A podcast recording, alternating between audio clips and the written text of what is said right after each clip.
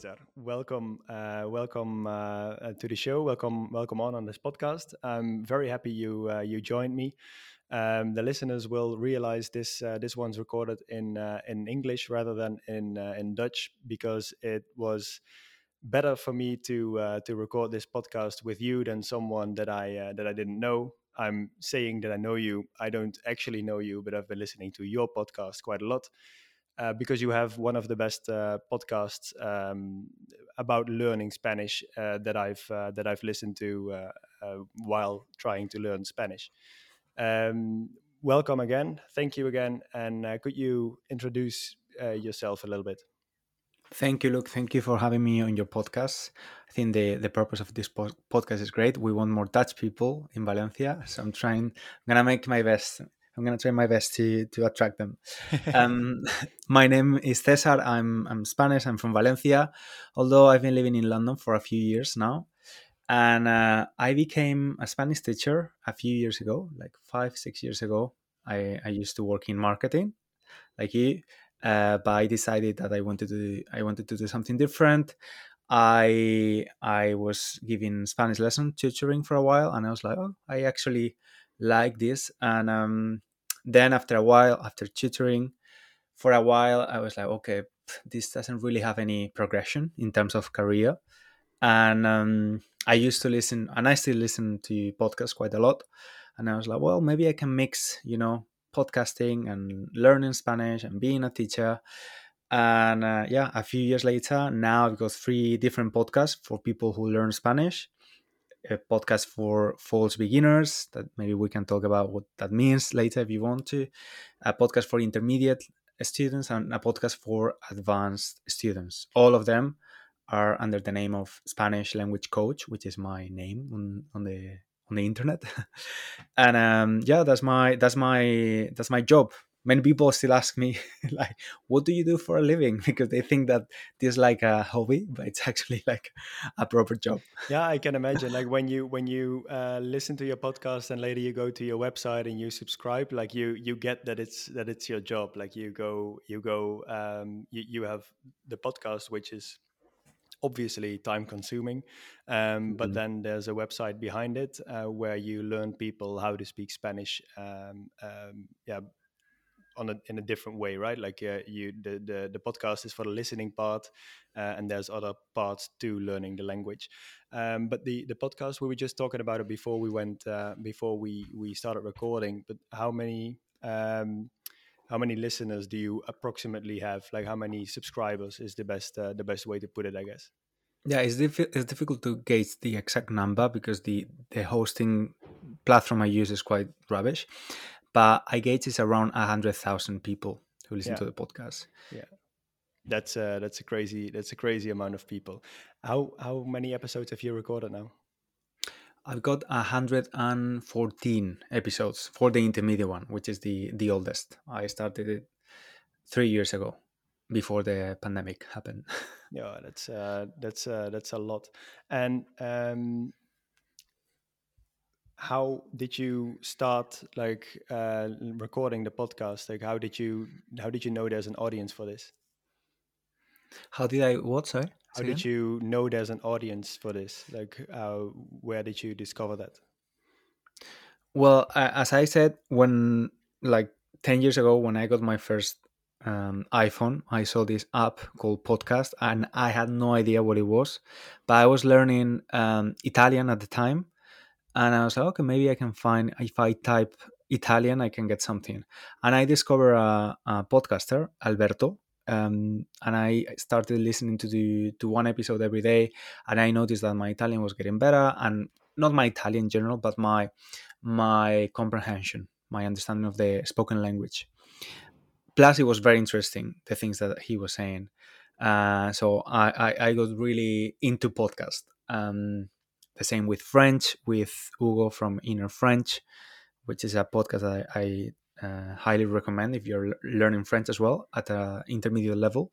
Um, so, as a teacher, when when I wanted to give my students some homework, I always told them that you should, you know, listen to as much Spanish as you can.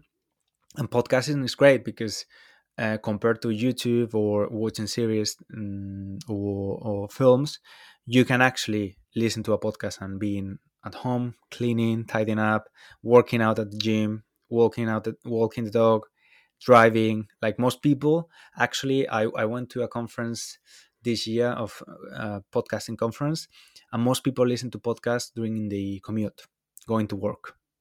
That's why during uh, from June to September, more or less, when people are on holiday, the the number of listeners dropped dramatically in some cases because people don't listen to podcasts while while they're on holidays.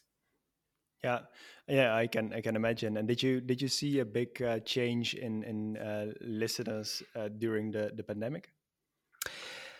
I did actually. I, I was analyzing the numbers the other day um, because I thought the the impact of the pandemic was uh, bigger than it was actually. Um, it's quite when you create a podcast, the you don't go viral, right? With with YouTube, you can go viral and grow very very fast if you are lucky, or if you do are consistent and you do a good job. But with podcasting, it's different. People because you don't get recommendations normally, or the recommendation system doesn't work as as well as the as with video. And um, so you don't go viral you grow little by little. Uh, but it is true that with the magic of the compound effect you you for example it took me two years to get 1 million downloads. Mm-hmm. then six months later i had 2 millions. And then three months later i had i had 3 million. So the more people uh, listen to you the, the, the more recommendations they make to be to other people, friends, family, and um, more people listen to you to your podcast. Yeah, that's uh yeah it's uh it's very impressive and and hmm. again like I, I really enjoy listening uh listening to your podcast and i think you're doing a great job in in explaining concepts very calmly in a in a very um patient way i guess is uh is uh what you'd call it Thank um, you very um, much. Uh, look, I want to say something about the pandemic because actually yeah. I was thinking I've got many students on my on my online course that told me that they started um, learning Spanish during the pandemic. So two years ago now, and uh, my course is for I only have one course so far. I'm working on more courses, but so far I've got only one for intermediate students, B1, B2. Uh, so this is to encourage people who are planning to move to Spain at some point and maybe they are struggling with Spanish, if you are dedicated and if you put the effort, you can get a, at an intermediate level and get by with the language in two years. It's like a like a realistic timing to get yeah. this level. Two years. Mm-hmm. Yeah, two years is a realistic way to uh, um, to learn the language if you're not in the country itself. Uh, exactly. Yeah. yeah. yeah. exactly. And if you have a job, like obviously you need to put, as I, as I said, the effort and the the consistency and be dedicated. But it's realistic to yeah. to get. Um, in in the Netherlands, uh, when I moved, when I started my process to moving to Valencia, you start to tell people. Then a lot of people would say, uh, "Well, at least Spanish is a, is an easy language to learn, right?" Um, and I, uh, because a lot of people told me that, I thought it was the truth. So I, we, we started learning in Utrecht, in the city that I'm from, uh, where I'm from, not where I'm from, but where I lived before we moved. Um, had a one class a week. Uh, thought it wasn't that easy at all, but I was like mm-hmm. whenever I move to Spain, then it'll come naturally, you know. Um, because everyone said it was an easy language. Um, I found it to be not very easy. Like, what what's your general idea of uh, um, the answer to that question? Well, I cannot compare it to Dutch because I don't speak a word in Dutch. But if we compare it to English, for example, the grammar in English is very easy compared to Spanish. Yeah. You know, you know, in Spanish, every person has a different grammar term, um, ending of the verbs. There are many uh, tenses, and uh, obviously, it takes it takes a while to uh, master all these conjugations and all these tenses. However, on the other side, we've got a really good thing, especially with the, the Spanish that is spoken in Valencia, uh, which is that the way we pronounce a word is is very consistent. No, we we pronounce in the same way that we write that word, which is very helpful because f- for a Spanish person like me, a language like English that is very inconsistent. That you, sometimes the I is pronounced E, sometimes it's pronounced I, and things like that um, can can get tricky, trickier. Um, so obviously it takes time, and also I have to say that speaking a language is about communication. So obviously it takes time to to master the all the tenses and the indicative and subjunctive and all that. But you can actually communicate in Spanish without, you know, um, mastering all the tenses and speaking. One thing is accuracy, and one and another thing is fluency. We should aim as a language learners to to get fluent, to to being able to get by in the language, mm-hmm. and then little by little, little by little, gain that uh, accuracy. Okay, yeah. but we cannot pretend to master everything and know all the vocabulary, every single thing, because that's that's not realistic yeah because that's that's the thing about spanish like every time you you I, I, think it's a thing about learning a language in general but but for me uh, obviously spanish in particular like every time you you feel like you got the hang of it they open a little door and it's uh, the, behind the last door we uh, we started to learn was uh, the subjunctive exactly mm-hmm. Um, but let's go back a bit to uh, to the levels that uh, that there are to to learning spanish because you you casually mentioned you do the intermediate course which is for b B1, B2.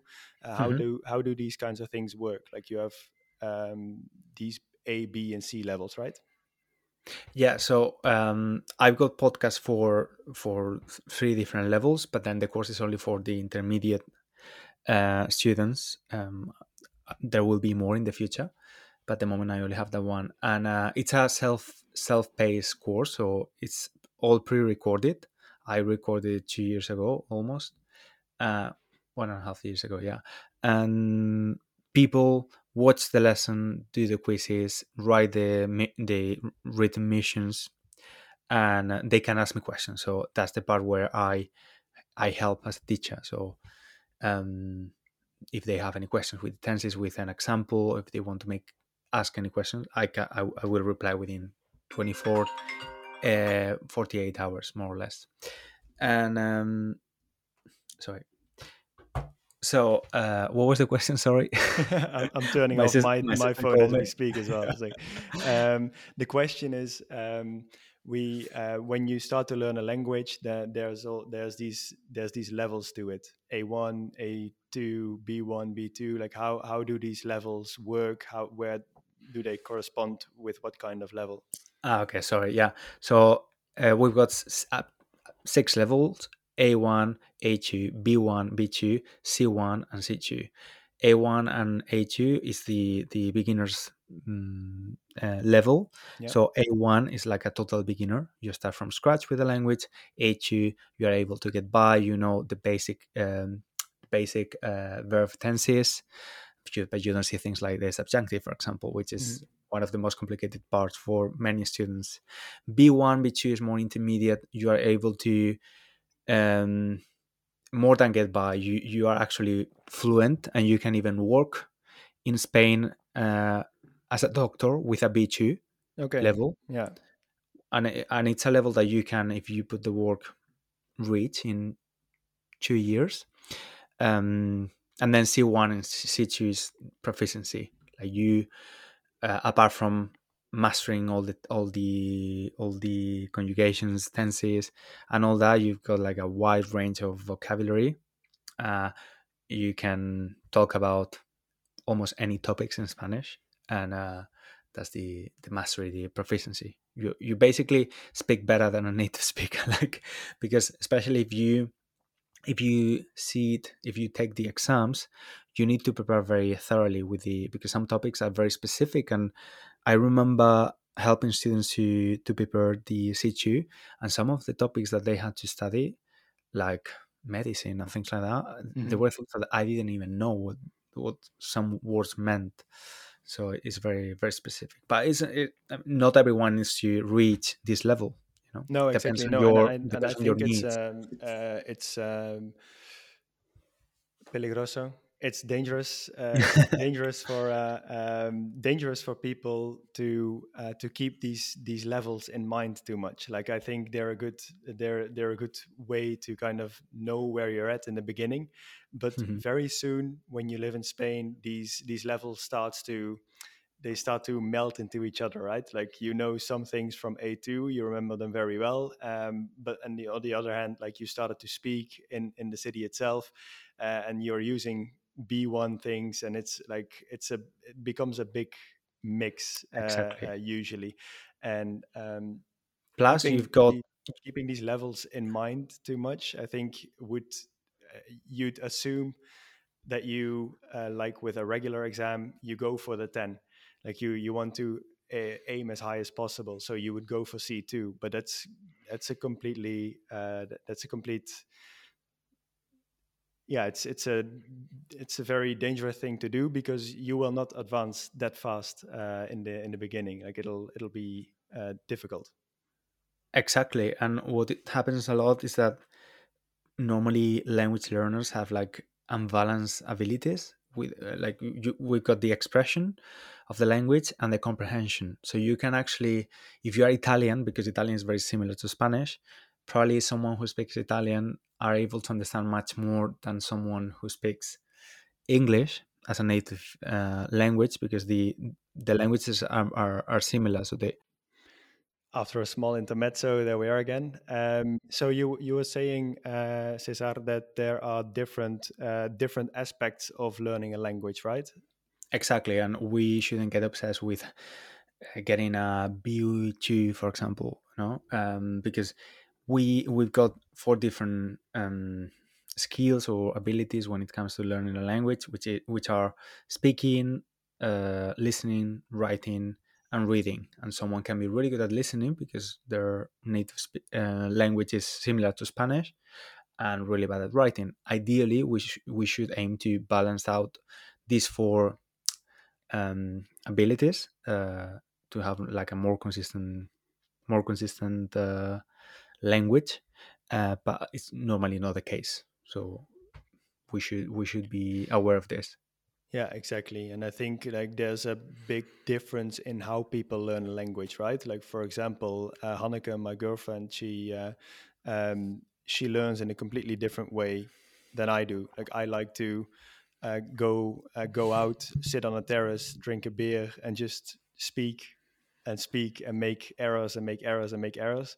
Um, and I find learning grammar very very difficult because mm-hmm. it it makes me yawn immediately and i think like i have the feeling that i'm back in school and i just i really don't want to um, and hanneke um, on the contrary she's super good at learning grammar like she she really likes the fact that there's certain things fixed like mm-hmm. uh, you can learn this and this and this and this and if you learn that then you know the correct way to pronounce it uh, so she really likes those uh, those lists and to be able to make it perfect but that makes and and so she's a lot better at grammar than i am but that makes speaking for her quite difficult because she keeps um, she keeps uh, trying to figure out the perfect way to say a sentence and if it's not perfect she's not going to say it so that's yeah. going to be very difficult because it's it's impossible not to make mistakes when you're learning a language and those i feel like those are very they're probably more learning types but we are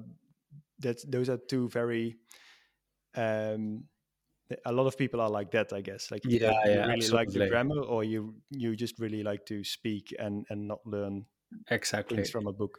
She's basically sacrificing uh, fluency for accuracy, which is good because she will eventually have a very accurate Spanish. Yeah. But ideally, you should be you should, if you're a grammar lover like like your girlfriend, um, you can still be, you know, a bit bold and make as many as many mistakes as possible because that way will your language will get better and um and again when it comes to learning a language the first thing we need to remind ourselves is that the, the most important thing is communication. And uh, from the very beginning when we are like a complete beginners we will need to use like gestures and everything to being able to get by with the language and little by little we will make it better Yeah, exactly. And um, where where would you start? Like, uh, for example, um, imagine that I'm someone living in the Netherlands now. I'm planning on moving to uh, Valencia in one year. Mm-hmm. Um, what uh, I, I, know no Spanish at all except for uh, dos cervezas, por favor. and um, what what steps would you recommend me uh, doing? We live in a world uh, that give us so many resources opportunities to learn for free with the internet as well and that's actually a good thing and a, and a bad thing as well no? Because sometimes we we spend too much time deciding what to do and we don't do anything. As i said there are four four different skills that we need to learn as a language learner and I would aim from the very beginning to practice these four skills um, straight away. So you can start to listen to podcasts, for example, for beginners in Spanish. You can use maybe I don't know if there's any Dutch like Spanish teacher who speaks Dutch as well and use both languages, but I'm sure there are many that combines English and Spanish um, our podcast for false beginners it's all in spanish. Like we we record the podcast my boyfriend and i record the podcast in spanish but you can read the transcript for free in spanish and in english. So you can see and you can you can see um, the the translation uh, at the same time. And then you can study the flashcards to memorize the vocab the new vocabulary and all that. So there are many resources like that but try to it's not that easy with a, when you're a complete beginner, but try to find content and resources that you find interesting. So, for example, yeah. I got students that read El Marca, which is the most um, important sport newspaper in Spain, because they really like sports. And you need to be, obviously, learning a language is something that is not easy, is not quick, and it's not fun always. Like, sometimes it's a bit tedious and you have sometimes you have to do the things that you have to do uh, but you can make it um, as interesting as possible. Then for the speaking you have many different options. You can do like a language exchange. There are many platforms like HelloTalk to find people who want to learn dutch and uh, you can be talking to someone from spain who want to learn dutch and do like exchanges I find that this is quite difficult and people don't tend to commit much.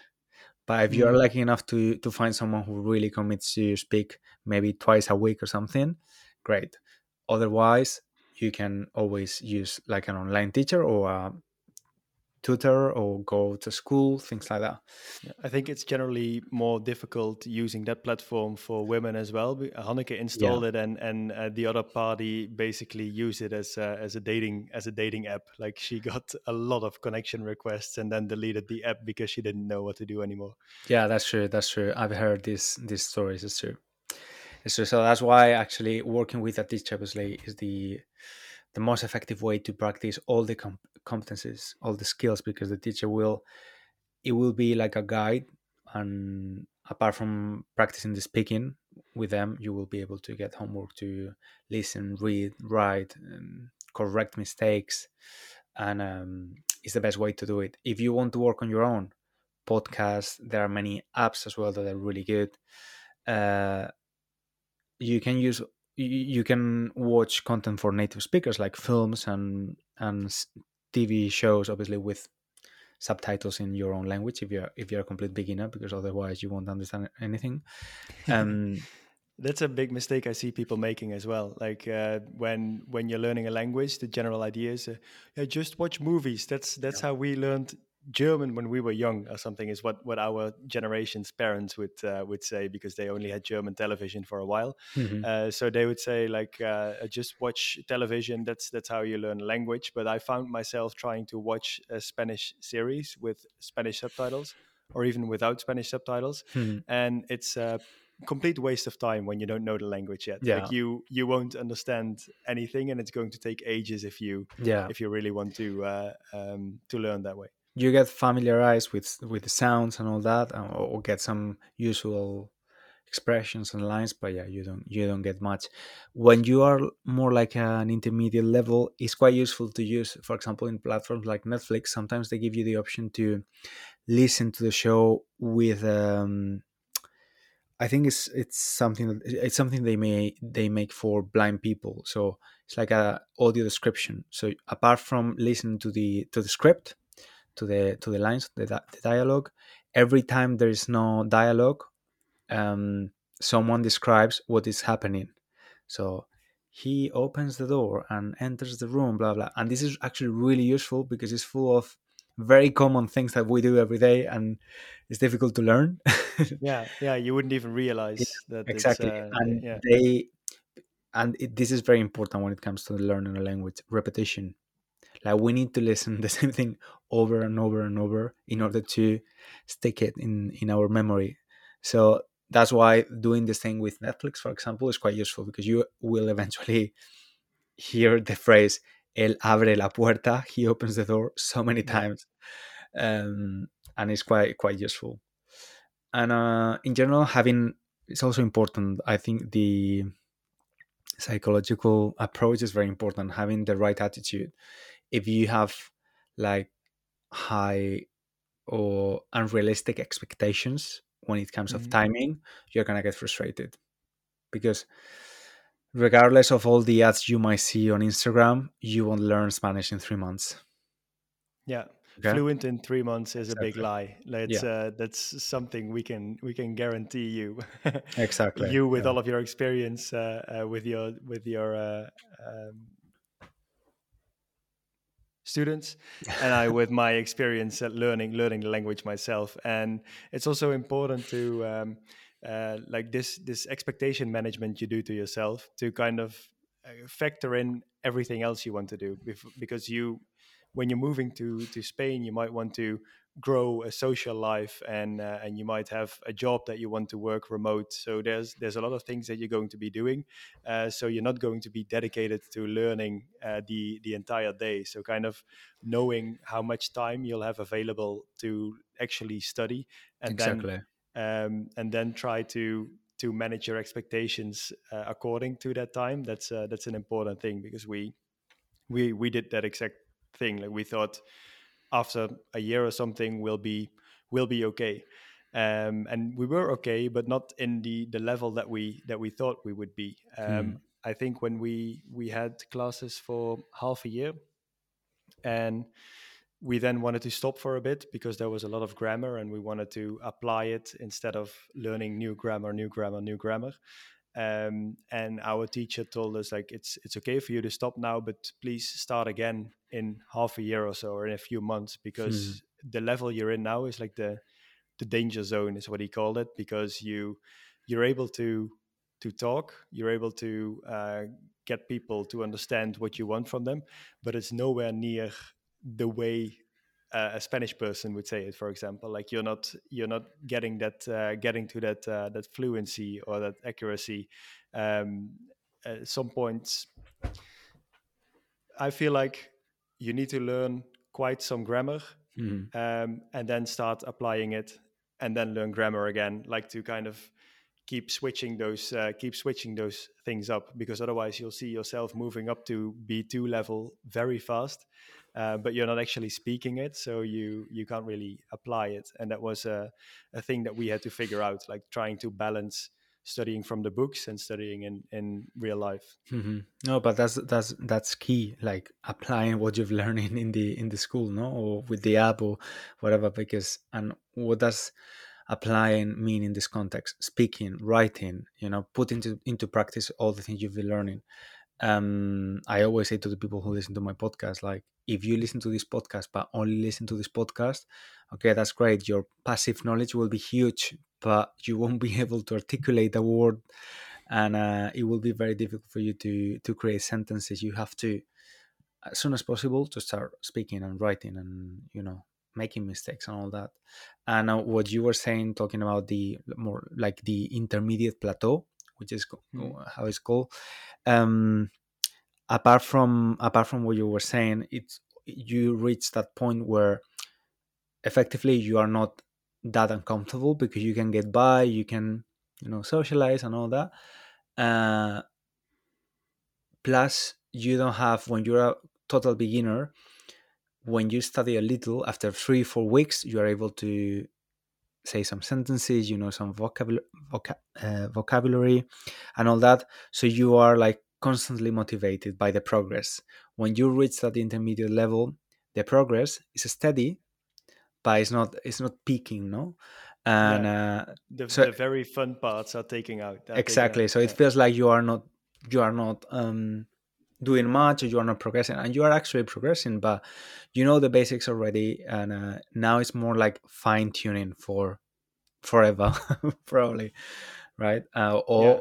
dedicating more time in order to speed up that process but yeah there are many reasons why reaching that level can be slightly dangerous yeah, exactly. Because in the, in the beginning, you find yourself in situations where you can apply your knowledge constantly. Like uh, um, in, in the first few weeks, you go to the supermarket uh, and you don't understand what the uh, the cashier is, is saying, mm. and then hmm. after a while, you get like, ah, she's asking me if I want if I want a bag, mm. and then you can apply the knowledge that you like no thank you or uh, uh, no thank you that's not necessary like you can constantly apply those new things um, but when you reach an intermediate level like you start learning things that are very difficult or awkward to to apply in in mm. these kinds of situations so you really have to go out of your way to to try and and uh, and apply them so that that takes away a bit of the of the fun in the learning process indeed. Yeah exactly can, uh, completely imagine. Um generally um, how how do you uh, how do you think your students um, uh, get to the intermediate point? Like before they uh, before before they they do your course what did they do? Well there's so many mm, ways to to reach that level no some people have have had like a gap year in Latin America. Some people have learning Spanish for 10 years and some people have learning Spanish for only two years. It depends on the dedication, the time, the time you can um, put in the work. And uh, there are also many, like you, you can never compare your language learning journey with, with someone else because every person has different circumstances in terms of timing, but also in terms of language that they they speak already. So it's normal that someone who speaks who speaks Portuguese and French and Italian um, will learn Spanish much faster, more quickly than someone who speaks only English or only Dutch. Or, uh, so there are many different ways to to reach that level. yeah, yeah, I can imagine that's the uh, uh, that's that's another dangerous thing to do, right? To to, to compare yourself to others. I, hmm. I remember us being very uh, jealous of a Portuguese friend that we uh, that we have here uh, because he he arrived after us and he was fluent way before we were even mm. making a, a bit of conversation. So that was that was a bit frustrating indeed. Yeah. Um, and yeah, you're going to compare yourself to others, but it's but it's important to remind yourself that it doesn't really uh, doesn't really matter in the, exactly uh, in in the end. Um, are there, uh, do you have an opinion on on uh, on the free apps like uh, like Duolingo and the uh, the other ones that are on the market? Because I sometimes I hear like yeah, it's it's great as a beginner, mm-hmm. um, but other people are really they're hesitant because they, they they use gamification too much. So it's uh, it's it's uh, too easy of a game to actually uh, save the, the the things that you're learning. Uh, do you do you have an opinion?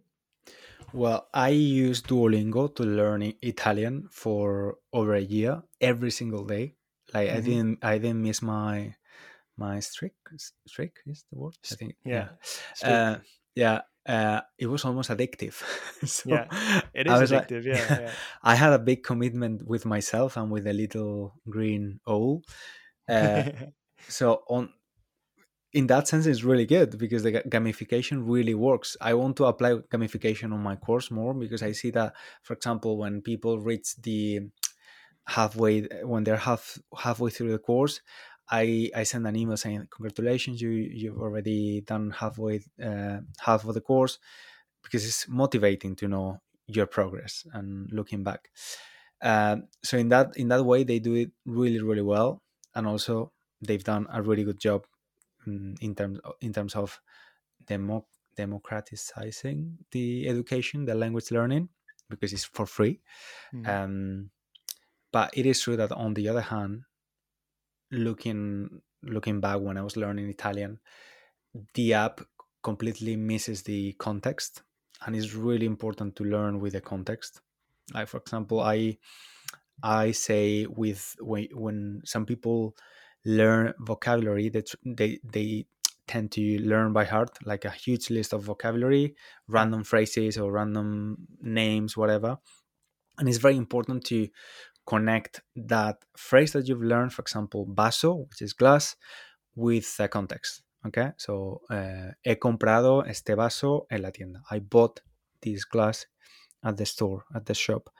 Um, and not only give give it like a like a context in terms of language give it a context like emotional because if you for example with adjectives uh, mm. referring to to people i say to my students try to if you learn a new ad- uh, adjective try to think of someone who reminds you of that adjective someone who's very uh, i don't know uh, fussy so try of the try to think the fastest person you know, and then create a phrase in Spanish with that with that adjective, with the name of that person, and describe why why this person is fussy. And that will be easier to use images, emotions, feelings, and context to create a world with that new phrase or expression word that you've just learned. That will make easier the um, the memorization, the retention plus the repetition it's also important so that's why apps like duolingo duolingo is great because the gamification is quite good and they've improved the gamification uh, but they miss things really important things like the context yeah, yeah, I can. I um, uh, I never thought of it of it being the context that misses, but uh, now that I think of it, it makes sense because you you learn um, really strange phrases sometimes and hmm. uh, and it's it's quite easy to put them together you know because there's uh, there's one word uh, with a with a capital letter and you put that in the beginning and then you only have three other words that you need you, you have to kind of mix so you I found myself uh, using it quite a lot, but it was more like I got really good at the game and not at the language. Mm-hmm. So I got really good at at mixing the words uh, together and and making the sentence, but I uh, but I couldn't save save the lines. I couldn't I uh, couldn't save it, and and to be able to uh, save it, I think it's a great tip uh, for listeners to. Um, uh, to link it to something that happens in your real life instead of try to link it to something that's on your screen and that's that someone made up. So that's uh, exactly. uh, that's that's a good thing. Um, I think we are quite there um, language wise like we've we've touched on a lot of uh, a lot of important subjects. I think there's uh, there's a great amount of uh, of tips that you uh, that you gave a lot of advice that's uh, that's very valuable for people who are um, going to uh, to learn the language. I think one of the the biggest ones is start listening to your to your beginners podcast right? Um, to to um, to conclude, like, do you do you notice a lot of cultural differences between uh, where you're living now in England and uh, and where I live now in Spain, in your home city? Actually, I don't think we've mentioned, but you're from Valencia, and I'm living there now, and you live in uh, uh in London. Yeah, uh, yeah. There's so many differences. Uh, it is so. When I first moved here, I heard that people said that Italians and and Spanish people were loud and it is like it couldn't be more true. And now when I'm in a restaurant in a bar, I feel like everyone is shouting and it's really difficult to have a conversation. Or when I'm next to a Spanish person and they're on the phone speaking with someone, I'm like, why, why are you shouting? You can speak normally. yeah. Um, yeah. And obviously things like being politically correct, British people tend to be very correct and be more diplomats and Spanish mm. Spanish people are not at all. so I'm always like, you cannot say that in public. Don't say that. Uh, yeah, things like that. I guess I'm getting more British in terms of the way I socialize and the way I feel and the way I see the world and things like that. So when I when I go to Spain, uh, I've got these reverse culture shocks, no? Ah, yeah. with my own with my own uh, culture. yeah, I can I can imagine. It's it might be a bit. It's it's funny, right? To to be able to look at your culture from with, with an with a, an outside view. Exactly. Like it's uh, uh, that's a, a, great practice as well. Yeah. Do you do you think uh, uh do you think that the the Spanish or at least the Valencians uh, in in general might be a bit more uh, conservative in some ways than than the English? Um. Well, there is more like we're Catholic, most of us in in Spain and in Valencia, but I think people are quite open minded, and I think Valencia Valencia is the third city in Spain now, and it's quite progress uh, progressive and open minded. I I wouldn't say people in Valencia are conservative. No, I've no. I have the same feeling, and I, I mm. thought from what you were saying, I got like a bit of a, a conservative uh, conservative vibe. But I but I generally feel like uh, people just uh, people just leave each other uh, to yeah to what they're doing, and it's like if you do this, that's fine with me. Um, exactly. That, that's that's uh, I, it's something that I think in Amsterdam we're very proud about, um, and it might not be the case anymore. Like we had that, but we kind of lost it somewhere. And I think mm. Valencia has it, but they're not very proud about it or something. Like no one's actually mentioning it, but it just exists. Like everyone yeah. is uh, is, is fine the way they are. Um, I, I, really like that about uh, about uh, this uh, this city.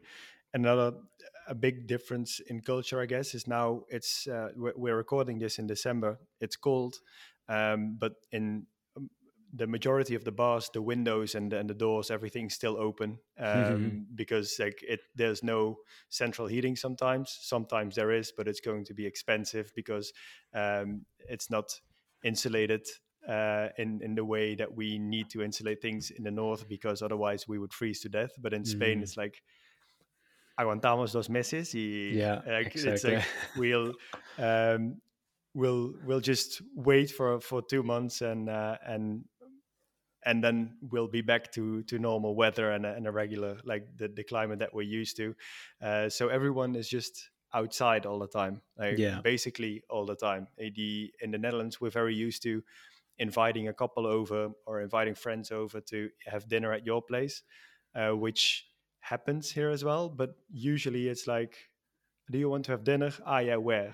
Like, yeah. where are we going to eat it? Because it's usually drinking a beer outside with a few with a bit of food, and it's um, uh, it's a very dynamic way of socializing instead of the be needing to be inside and someone needs to take care of the food and the preparation of the food like here you just uh, you sit down on a terrace you order something that's not very expensive or big or fancy but you have a you have a quick bite and, and a quick drink and that's uh, uh that's socializing and that's yeah. a, a, big difference for uh, for me which is i think huge uh, hugely due to the uh, the weather that uh, that we have in Valencia. Yeah, I haven't thought about that, but it's true. I, I, was trying to remember when you said that the last time I was invited to someone someone else's house uh, in Valencia, and I can't think of any like I can't think of any invitation over the last three years. To be honest, like yeah, we tend to meet more like in bars, restaurants. Also because we tend to meet as groups, no big groups of people, and uh, it's yeah. easier if you go to a restaurant. Like for example, now in for Christmas we're meeting with my family on Christmas Day, and it's like forty people. So obviously, we, we no one can host the the Christmas no, lunch. yeah. No, no, no, no. It's it's that, and it's uh, it's it's a bit more affordable than in other countries, and uh, and this yeah the space is there there's a there's a lot of there's a lot of bars and hmm. uh, mm-hmm. and uh, but i and i think it's uh it's uh, a big advantage of uh, of the weather yeah to uh, to be able to accommodate that do, do you feel look uh, that you are becoming more spanish in some way after living um, there for for a while already. I think, yeah, for four years now. I think um, I might be. My friends would say I am. I guess. Um, for me, the mo- one of the the mo- the biggest differences is uh, that in the Netherlands we have we plan two months ahead. Like Mm. uh, I um, I want to uh, see a friend. Uh, I text him like, when can I see you? He'll be like, oh, maybe the beginning of February. I have a weekend off, or like the beginning of March. That would be that that would not be strange to me if he said that right now, and we're at the beginning beginning of December. Um, whereas here, if I ask someone like uh, next week on Saturday, uh, do you think we could go for a hike? And they'll be like, maybe yes, maybe no. like we'll see. We will see. It's, uh, yeah, it sounds like a great plan, but we'll we'll see next week on Thursday because uh, maybe it's good weather and I'll be uh, I'll be going uh, to Denia uh, for a weekend with my family to be in the uh, in our apartamento. Um, so it's um, it's things like that that are, that are a big um, a big change, and I I find it very difficult to go back to to scheduling and planning my Mm. entire social life because it's uh, uh, it kind of ruins the the the dynamics of it. Yeah, Uh, yeah, yeah. It's now, because I want to see that friend, and I'm texting him in that very moment. Um, that's very good- Valencian. That's very Spanish. yeah, but it's good. And if someone says like, "Yeah, we'll see each other in two months," then maybe in two months it's not a good day for me to to be socializing. You know. Yeah. And now, like, I could text three people now, and they'd probably be like, "Okay, where are you in half an hour? Or where Yeah, are you in an hour? yeah. We can we can have a quick beer before we have we have dinner." So that's a that's a big Yeah, difference. yeah. it's actually in Valencia. We ha- we have a saying to say to to to refer to that idea. It's in in Valencian in in the local language. Uh, we say pensat y fet, which means thought and done. You Ah, think about, about something and you do it straight Pensat away. Yeah, pensat y fet. Ah, that's Yeah. good to know. That's Mhm. that's another thing that we didn't really touch on. Um, if you want to move to Valencia, um, you might be tempted to try and learn Valencian, but just start with Castellano, with the regular Spanish. Yeah, Uh, absolutely. And I know some people are worried when they have they want to move to Valencia or to Catalonia that they will need to learn. Well, maybe if you go to a small town where they only speak or most people speak Valencian, it, I, I think most people speak Spanish perfectly, especially in Valencia.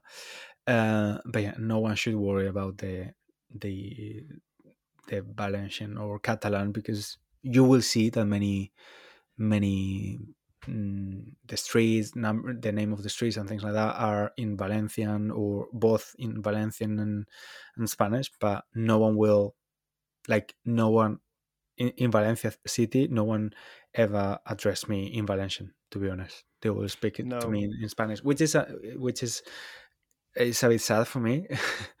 um, but it's very convenient for people who who come from abroad.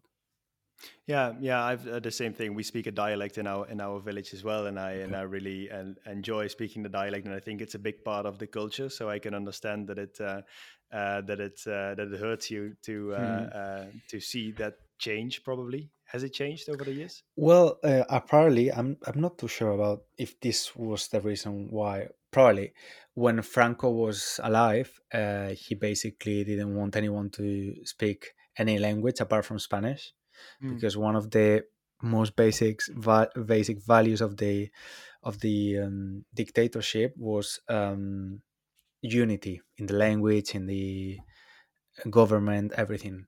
Uh, so he probably would see other languages as a threat of that unity of the nation.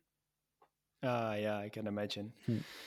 Yeah, yeah. The that's uh, that's uh, it's sad, but it's uh, it's better for the uh, for for people who come from uh, from abroad. Yeah, I Yeah. only had it. a- I only had a few times when um, I uh, I got into a conversation with an, an an older person, probably around eighty years old, Mhm. um, and he just started talking to me in uh, in Benimaclet. Uh, he, Okay. he started he started talking to me, and I didn't really know what he was saying. Um, so he applied one of the strategies that uh, uh, some Spanish people apply when you don't understand anything, and that's repeat the same thing but yeah, louder. louder.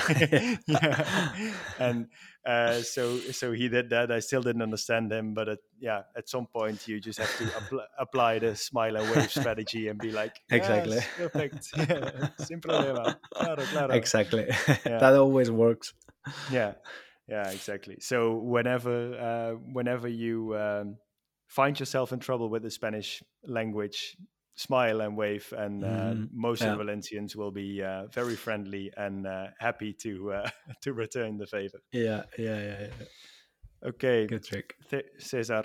Thank you very much for uh, um, for telling us all about uh, the Spanish language, how to learn. Um, touching on those uh, the four aspects that you uh, that you told us about about the different levels there are, uh, but mostly the uh, the advice you gave, like not comparing yourself to others, um, just keep keep doing it, keep repeating it. those are very uh, important aspects to uh, to learning Spanish, I guess.